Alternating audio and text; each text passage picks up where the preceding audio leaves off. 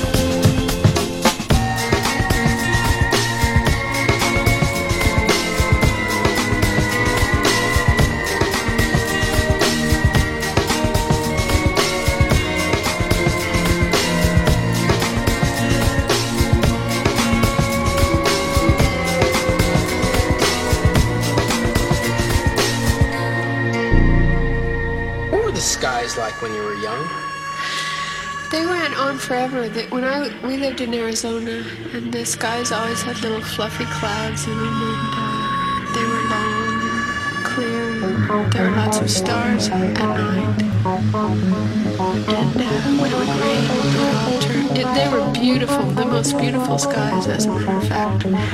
Uh, the sunsets were purple and red and yellow and on fire, the clouds would catch the colors everywhere. That's neat because I used to look at them see that.